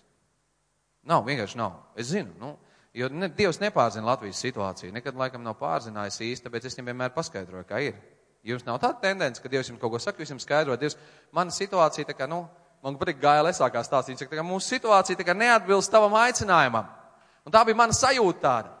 Un es stāvu, bet man smagi, zini, kad Dievs runā tev, nu smagi, tu jūti, ka tu nedari, ko Dievs, smagi. Un tad smuka lūkšana, skatos, tas pasniedzējs lūdz Dievu, un vēl viens lūdz Dievu, un viņš tur lūdz tā pravietiski visiem. Es domāju, nu, kā jau latviešu galvā, nu man jau šodien nekas nebūs, nomierinos. Un, bet debes tēvs runā. Viņam tur neviens, es nevaru viņam pavēlēt nomierināties. Un pat ja pavēlēt, viņš darītu, ko gribētu. Un tad es saprātā, es saku, saku, debes tēvs, ja tas ir no tevis, es to gribu. Es pabeidzu savā galvā pasniedzējam, pa kuru brīdi viņš bija atdrēfējis līdz manim roku uz galvas un viņš pravietiski skaļā teikumā pa visu telpu, visi dzird, ko viņš saka, apstiprina to, ko es savās domās tikko kā pareizi, ko vispār neviens nezināja, es pat nebiju sievai stāstījis, jo nav vērts murgainu sapņu stāstīt. Bet tas nebija murgainu sapnis, tas bija Dieva aicinājums. Ziniet, kas ar mani notika? Es nokritu uz ceļiem un es raudāju. Ne, es nesūdzēju grēkus, jo es visus savus pārkāpumus, savu rīcību, kā es rīkoju, izrīkojos. Tur nu, ne jau mūžīgi. Man bija pāris izliecieni Amerikā Bībeles skolā, kur vajadzēja savākties un sakārtot attiecības, kā vajag pareizi un, un, un ar pasniedzējiem un visu. Un um, es nežēloju grēkus, bet man bija šausmīgs kauns, ka Dievam ir bijis jāskatās uz maniem grēkiem vispār. Man nekad tāda sajūta pirms tam nebija bijusi. Un es, es raudāju, es teicu, Devis Tēvs, man kauns. Es sapratu, ka viņš ne tikai redz, ko es daru, viņš lasa manas domas un pat seko viņām līdzi. Kā tur ir online, pareizi, ja? Viņš iet, viņš iet ar viņām kopā. Un es domāju, es domāju, Dievs, es esmu līdzis tev to visu vērot. Un es vienkārši šaulēju, man, man bija kauns. Un tāpēc es domāju, ka Dāvidam, kad Dievs atnāca un teica, šeit tev svētība, ko neesi pelnījis. Es domāju, ka viņam bija Dieva priekšā kauns. Viņš bija gatavs palīdzēt zem akmeņiem apakšā. Ja viņš zināja, ka viņš nav to pelnījis. Bet skatieties, kur bija sāls. Viņš bija izlēmis sekot Dievam. Viņš bija izlēmis sekot Dievam. Un, kad es jums lasu par Jošafatu, viņš bija izlēmis sekot Dievam. Un tad, kad nāca ienaidnieks, Dievs viņam deva uzvaru. Ja tu neesi izlēmis sekot Dievam, tev gandrīz neiespējami piedzīvot uzvaru tu klibo uz savām kājām. Tu skriesi meklēt alternatīvas atbildes, tu meklēsi svešus risinājumus, tev pietrūks drosmes turēties Dievam. Budiski tā es teikšu pie svārku strēbeles, amen, stērbels un turēties. Un skaties, skaties, man jums ir pavisam, pavisam vienkārši jautājums. Par to sirdi. Jūs jau zinat, kur ir atšķirība, pareizi. Sirdī. Atšķirība ir sirdī. Vīrs, vīrs ar dalītu sirdi neko nevarot saņemt, tā Bībelē raksta pareizi, ja? Viņš netiek līdz mērķim, viņš netiek līdz mērķim. Interesanti, mēs te seminārā bijām, mācēs Jānis arī bija. Interesanti stāstīja, ka, ja tev ir viens vai divi mērķi, tu vienu vai divus mērķus izpildi. Tiklīdz tu uzliec palielini mērķus, izrādās vienalga, tu izpildi vienu vai divus. Un jo vairāk mērķi, jo, jo vispār vairs neko neizpildi. Pat, pat biznesā viņi sapratuši, ka ar dalītu sirdi tu nevari izpildīt. Tu nevari izpildīt. Zini, ko es uzreiz atcerējos? Kad pie mācītājiem, pie apstuļiem atnāca draudz un saka, atraitnes sūkstās, ka neēd tā kā gribētos. Ko viņi teica? Mēs darīsim cik lietas? Divas. Pareizi? Mēs darīsim divas? Mēs kalposim ar lūkšanu un ar vārdu. jūs darīsiet tās lietas. Un draudz aug un vairojās. Un draudz aug un vairojās. Amen? Viņu sirds, viņi neļāva sadalīt savu sirdi. Viņi bija izlēmuši. Viņi neļāva sadalīt savu sirdi. Visu dzīvi tavu sirdi gribēs dalīt. Zini, kad ir jāizlemj, ka viņu nedalīs ne ar vienu, bet pilnībā veltīs Dievam. Nevis tad, kad tev prasa dalīties, bet zinot, ka tev prasīs dalīties, tu pirms tam izlem, ka tu nedalīsies. Halo, dzirdat mani? Pirms tam ir jāizlem, ka tu nedalīsies. Amen! Tu rīkosies tā, kā tava sirds tev liks, tu rīkosies tur, kur tava sirds tev skājusies līdzi. Es jums nevaru garantēt, ka jūs nodzīvosiet dzīvi, kaut gan Dievs ir devis iespēju to izdarīt, bet, diemžēl, pat ticīgi cilvēki salaiž reizēm dēlīt savu dzīvi. Amen? Es saku, nerunāju lielu vai mazu grēku, bet gadās, ne? Jums nekad dzīvē nav gadījies atvainoties un lūgt Dievam piedošanu par savu rīcību?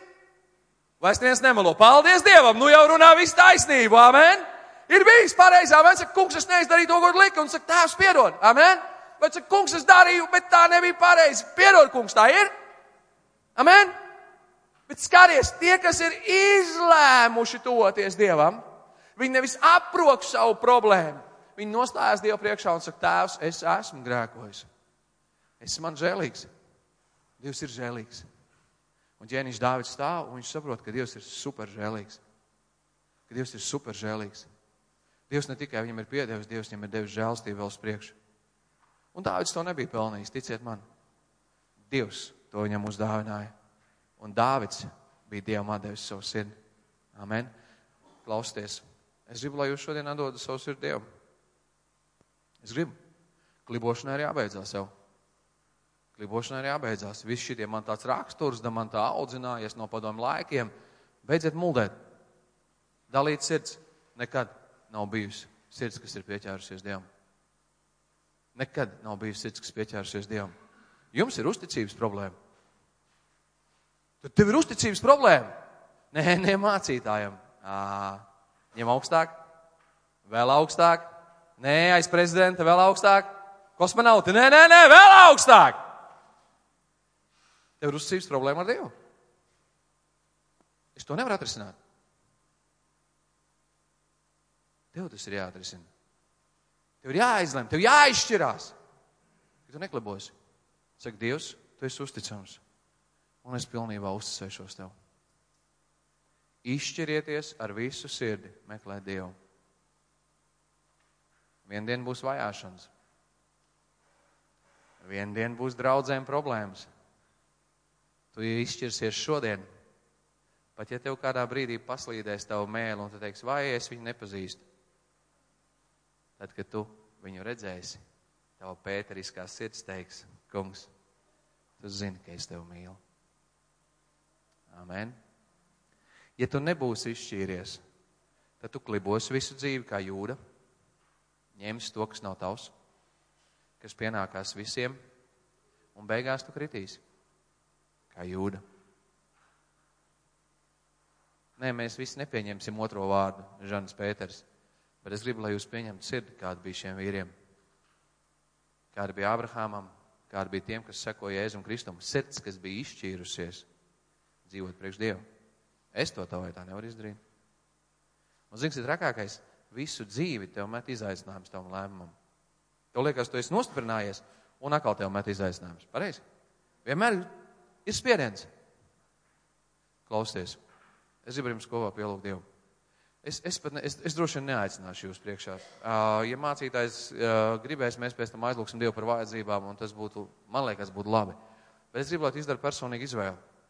Es gribētu izdarīt personīgu izvēli. Es negribu klibot. Es gribu uzticēties un no visas sirds meklēt Dievu.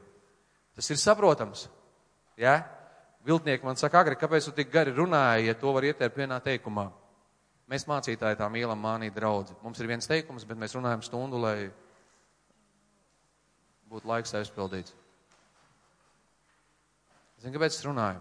Jo es gribēju tavu sirdi nosvērt par labu Dievu meklēšanai ka tu pieķersies viņam ar visu savu sirdi. Halo, dzirdi mani? Ar visu sirdi. Ar visu sirdi. Jūs nevarēsiet vairs aizies debesīm un teikt, Dievs, es nezināju, ka nedrīkst klibot. Viņš teiks, agri dzirdēji. Teiks, un viņš saka, ko? Mm, mm. Es teikšu, mm. es zinu, kas tev jāsaka. Tu dzirdēji, bet neklausīji. Es gribu. Es pat gribētu piespiest tik vienu, bet tas nestrādā. Kad tu pateiksi, Dievs, es no visas sirds meklēšu tevi. Debes tēvs. Debes tēvs. Varenais Dievs. Varenais Dievs. Kungs, es gribu. Kungs, es gribu, Dievs tēvs. Es gribu, lai viens, kas sēž šajā zālē, Dievs, es gribu, kungs. Es gribu, lai viens, kas sēž šajā zālē, Dievs, es gribu, kungs, tēvs. Man pat gribētos lūgt par tiem, kas vēl ienāk šajā zālē, Dievs. Man gribētos pat lūgt, kungs, Dievs, un es lūdzu arī par tiem, kas te būs un ienāks, Dievs ka tā ir vieta, mans tēvs, kur cilvēks sēžot šajā krēslā, dzirdot tavu vārdu, pielūdzot, slavējot Dievs, varbūt koridorā pat stāvot tēvs, ka viņus pārņem šī vēlme. Es dzīvošu tev. Es nebūšu dalīts. Es nešūpošos no vienas kājas uz otru kāju, kungs, es ar visu sirdi. Es sekošu tev. Tu zini, ka tas ir ar cilvēcīgo spēku neiespējami. Tāpēc es gribu ar tevi kopā lūgt nākamo soli kas patiesībā ir viens tēvs. Tā vārdā rakstīts, ka tavs dievišķais spēks mums ir dāvinājis visu, kas vajadzīgs patiešām svētdzīvē un dievbijai Dievs. Tāpēc es tev lūdzu, kungs, lai tavs svētā gara spēks šajā pašā brīdī Dievs stiprina ikvienu, kas pieņem šo lēmumu, Dievs. Kungs, un jums ir jāatjauno lēmumi, Un tiem, kas esat šos lēmumus turējuši, ir jāsaka, Tēvs, paldies, ka tu man esi turējis. Tēvs, es pateicos par spēku, ko tu man esi devis. Kungs, es pateicos, ka es esmu 20, 30 un cits vēl vairāk gadus sekojis tev, Dievs. Es pateicos, ka par spīti manām zaudējumiem, maniem pārkāpumiem, reizēm grēkiem, tu man esi ap pārliecinājis, apliecinājis, ka es esmu ārpus tavas gribas un es esmu varējis atgriezties. Amen. Pasakiet viņam paldies par to. Klibotāji, klibotāji klibošana beidzās ar kritienu. Nostājies uz kājām un saka, kungs, piedod man klibošanu. Es gribu izšķirties. Es gribu izšķirties. Es gribu izšķirties. Un skaraties, es gribu, lai jūs izdarat ar apzinātu lēmumu. Kungs, es šodien no visas sirds, ja kāds no jums nav devis savu dzīvi Jēzum Kristum, tas ir lēmums. Tas ir lēmums, kurā tu pieņem lēmumu, ka tu atzīsti, ka jā, es esmu grēcinieks. Jā, es nekalpoju Dievam no visas sirds. Jā, es nedzīvoju tā, kā Dievs no manis sagaida. Jā, ar to vien, ka es neesmu viņam kalpojis, jau esmu grēcinieks. Saka, Tēvs, piedod man. Es gribu, lai tu mani ņem par savu bērnu. Es gribu atdot savu dzīvi tev. Es sadotu dzīvi sev vienalga kādos vārdos. Bet tev jāizdara divas lietas. Tev jālūdz viņam piedošanu par savu iepriekšējo dzīvi. Un tev jālūdz viņš tavā dzīvēm. Tev jālūdz viņš tavā dzīvē par kungu un glābēju, par ķēniņu, par vienīgo, kam tu kalpos un dzīvos. Ietērp kādos vārdos to gribi, jebkurā valodā, un Dievs sadzirdēs, sapratīs un zinās, ko tu gribi, jo viņa asins, nekas cits, viņa asins tevi, mani, ikvienu šķīst no visiem grēkiem. Tēvs tev, halleluja Dievs, halleluja Dievs. Tēvs, es tev pateicos, kungs, Dievs, tēvs, es tev pateicos par tavu garu, Dievs kas burtiski ir nolēdies uz taviem bērniem, mans kungs, dodams viņiem spēku, mans kungs, un varu šos lēmumus izpildīt, mans Dievs. Es Kristus vārdā, kungs, tavs Dievs. Āmen, āmen, āmen, āmen, āmen. Tas nenozīmē, ka jūs strādāsiet vairāk, tas nozīmē, ka jūs mīlēsiet patiesāk. Āmen. Alo, dzirdējāt mani? Āmen.